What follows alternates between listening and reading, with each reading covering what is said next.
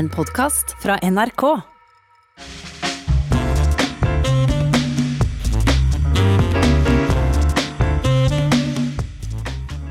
Det var eh, Ove Tørnquist med sin 'Rømba i Engelska-parken', som vi nett eh, hørte. Og medan eh, vi lytter til den, er Trygve Hegnar kommet på plass her i Studio 62. Velkommen. Takk, takk. Du er mediegründer og du er investor, men først og fremst så er du redaktør av både Kapital og Finansavisen. Og nå passer det vel å åpne med en gratulasjon, for i disse dager så er det 50 år siden du som 27-åring starta bladet Kapital. Det er sant. Det er veldig lenge siden, men det har vært veldig morsomt, da. Ja, i dag er jo dette en stor suksess, men det var jo ikke gitt at det skulle bli sin. Nei, altså ikke i det hele tatt, faktisk. Altså Jeg jobbet i Oslo Sporveier som rådgiver for direktøren der. Ja, for du var økonom, du var ikke journalist? Nei, jeg var vel Altså, jeg var, jeg var utdannet økonom, da. Og så jobbet jeg på Transportøkonomisk institutt som forsker. Og så ble jeg fisket i Sporveien av direktøren, en herremann som het Skau. Veldig bestemt herremann. Så jeg flyttet til Sporveien.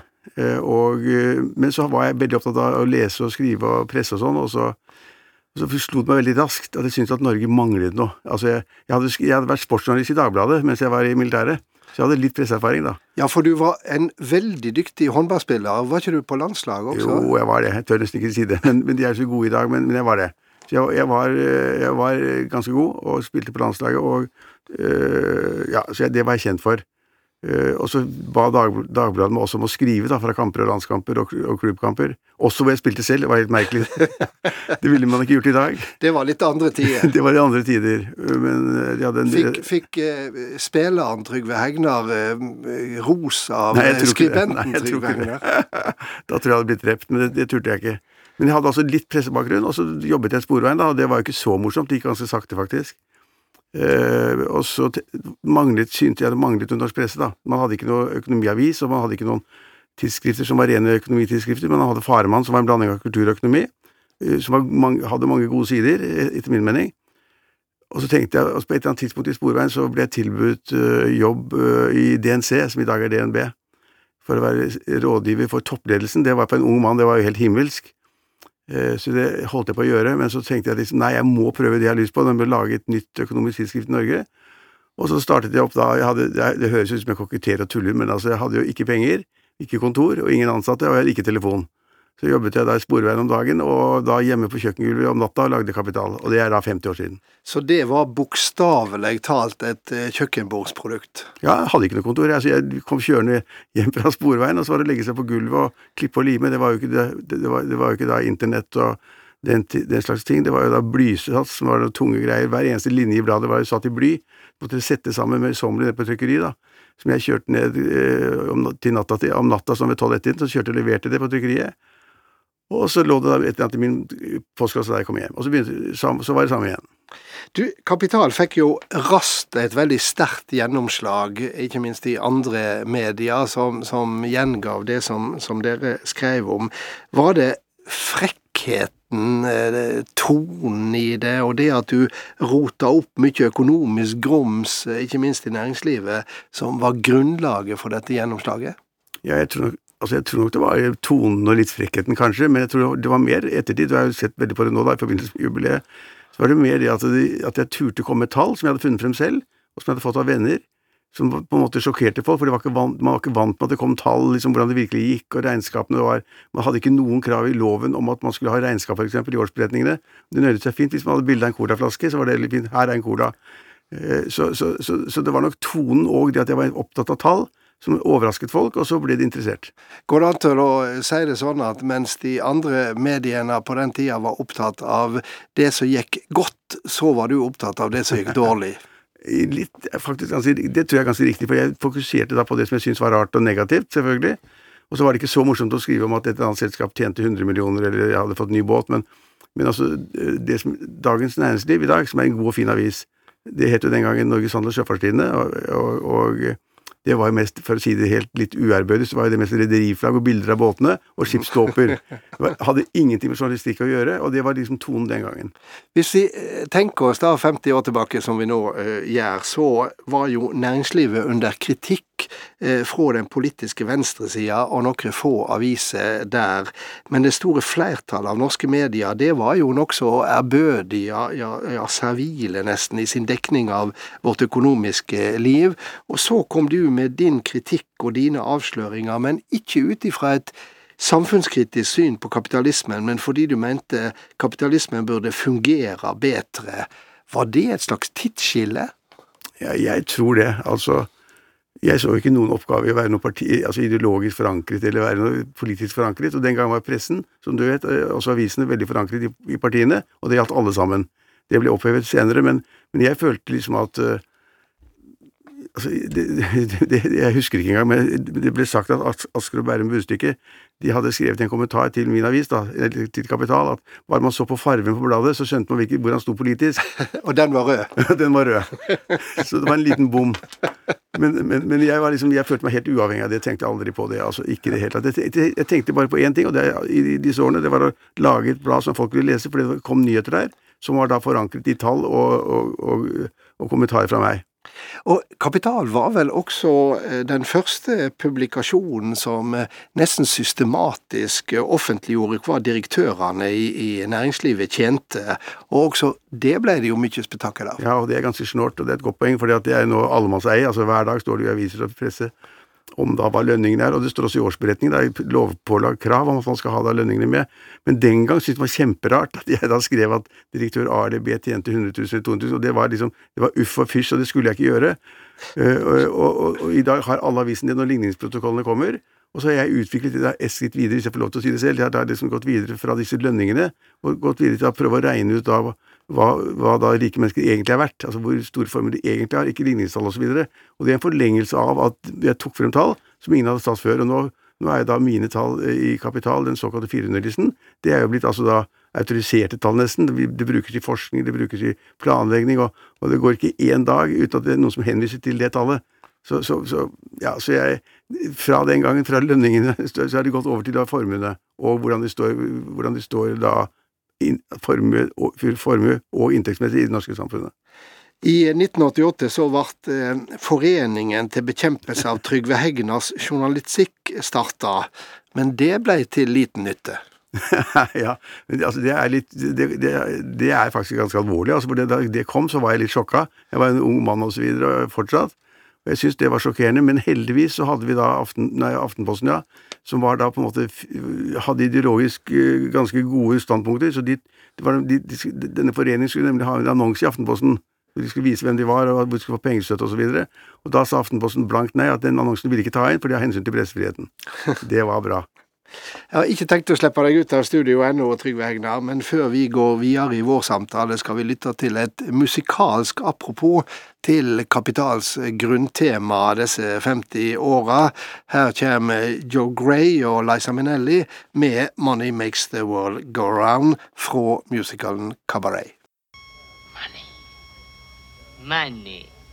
Money makes the world go around, the world go around, the world go around. Money makes the world go around, it makes the world go round. A mark, a yen, a buck, or a pound, a mark, a yen, a buck, or a pound is all that makes the world go around. That clinking, clanking sound can make the world go round. Money, money, money, money, money.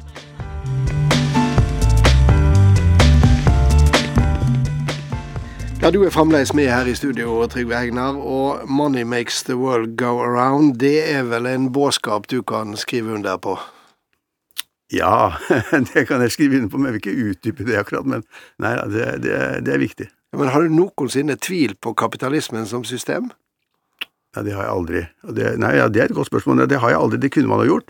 Men det har jeg aldri gjort. Jeg har faktisk vært ganske systematisk forankret i at liksom et fritt næringsliv og retten til å eie og stemme og, og være medborger på et demokratisk grunnlag. Og i næringslivet så betyr det at liksom de må få utøve mest mulig makt, og de må utøve sine Sette prisene, ansette folk, kjøpe bedrift, gjøre hva de vil, uten, uten at man da liksom skal se på ideologiske hensyn. og det Det har vært, der er altså ikke avveket ett sekund, og jeg kaller det ikke det markedsøkonomi, jeg kaller det sosial markedsøkonomi.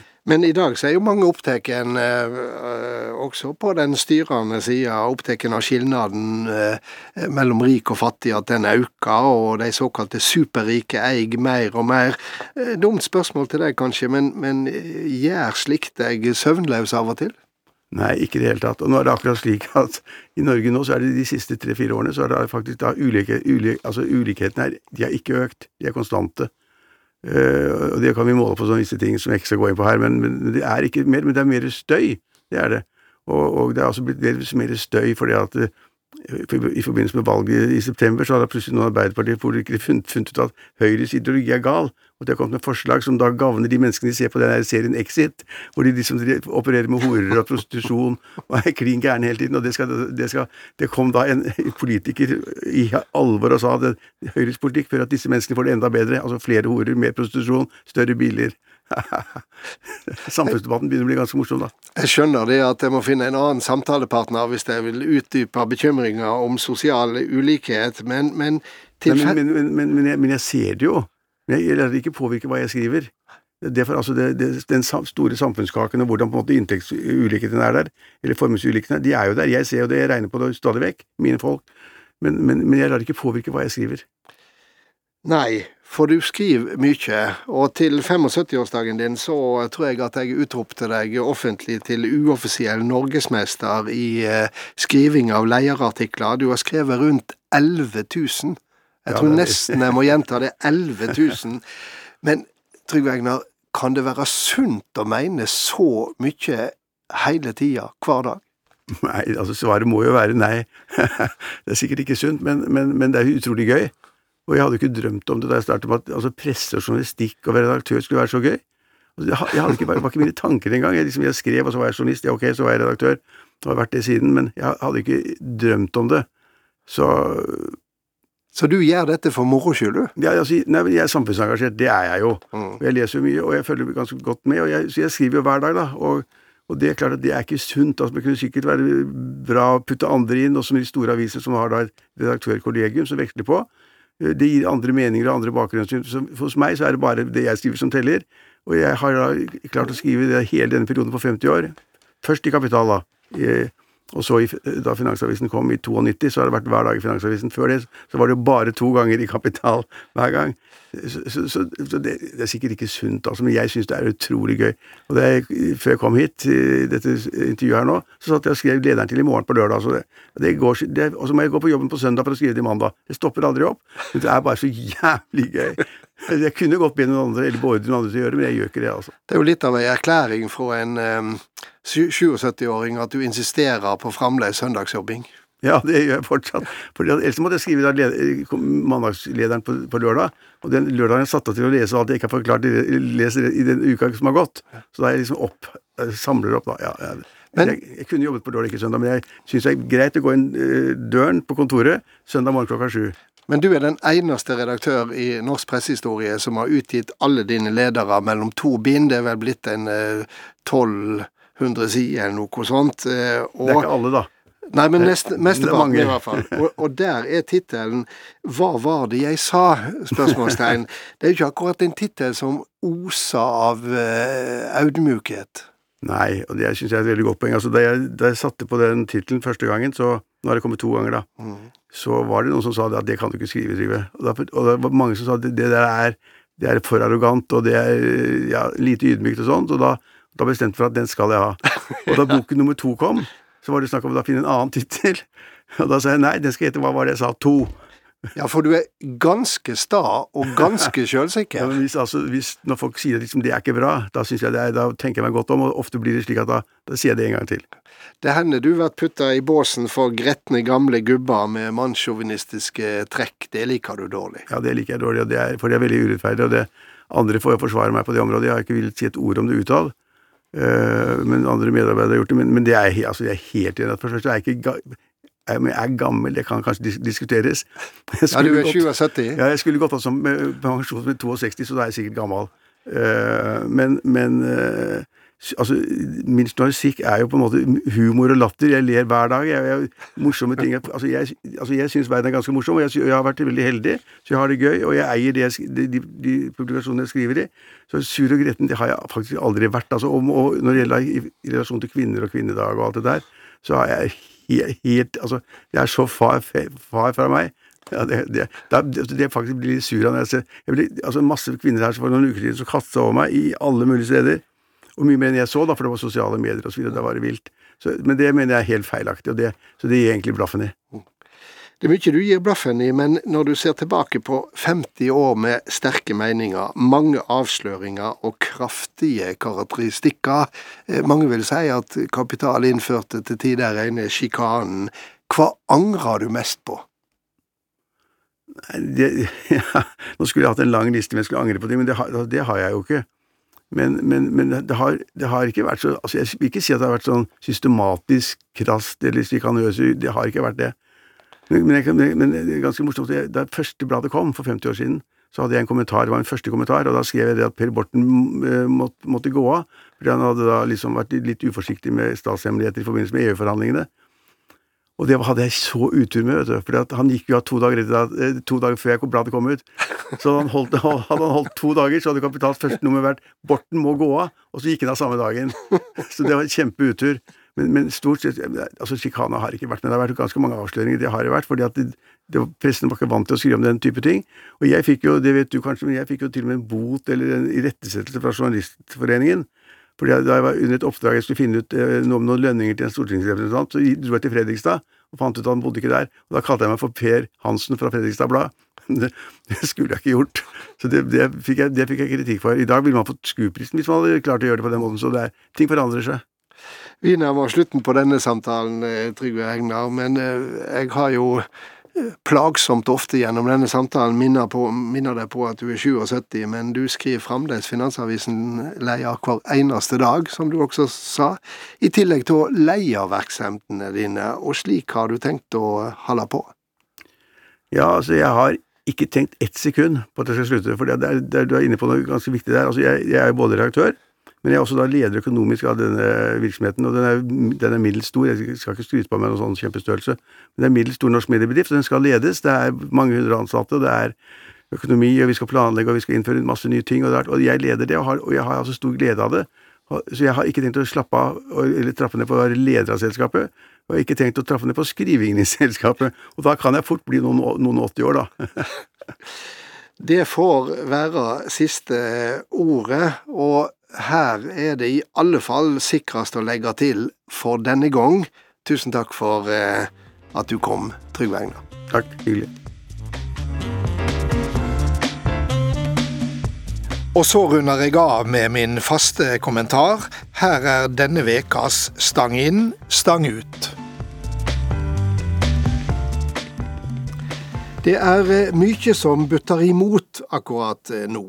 Eit år er gått siden den første nedstengninga ramma Norge, og vi gikk inn i måneder med frykt og usikkerhet i en hverdag knapt noen av oss hadde opplevd tidligere, og som var heilt ny for oss som nasjon. Det er ett år siden vi første gang lytta til statsministeren og begynte å følge pålegg og råd og håpa det beste mens vi frykta det verste. Ett år seinere veit vi at det verste ikke skjedde.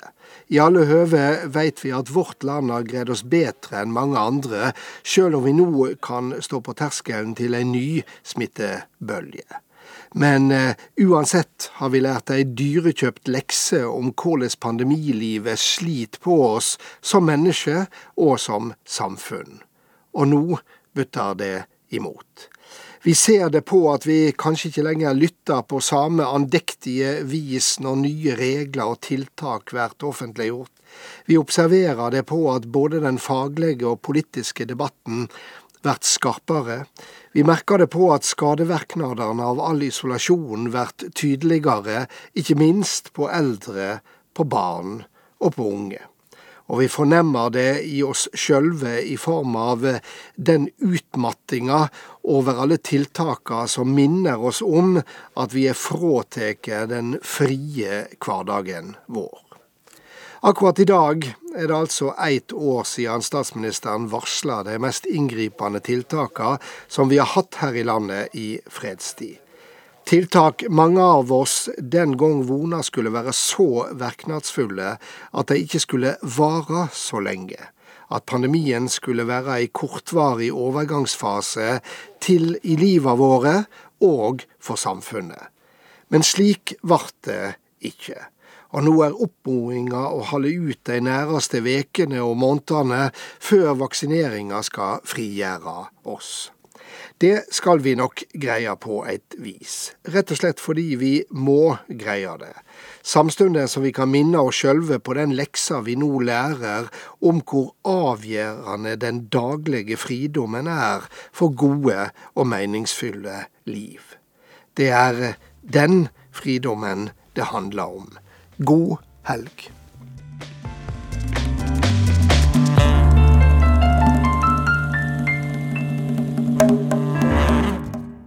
Du har hørt en podkast fra NRK. Hør flere podkaster og din NRK-kanal i appen NRK Radio.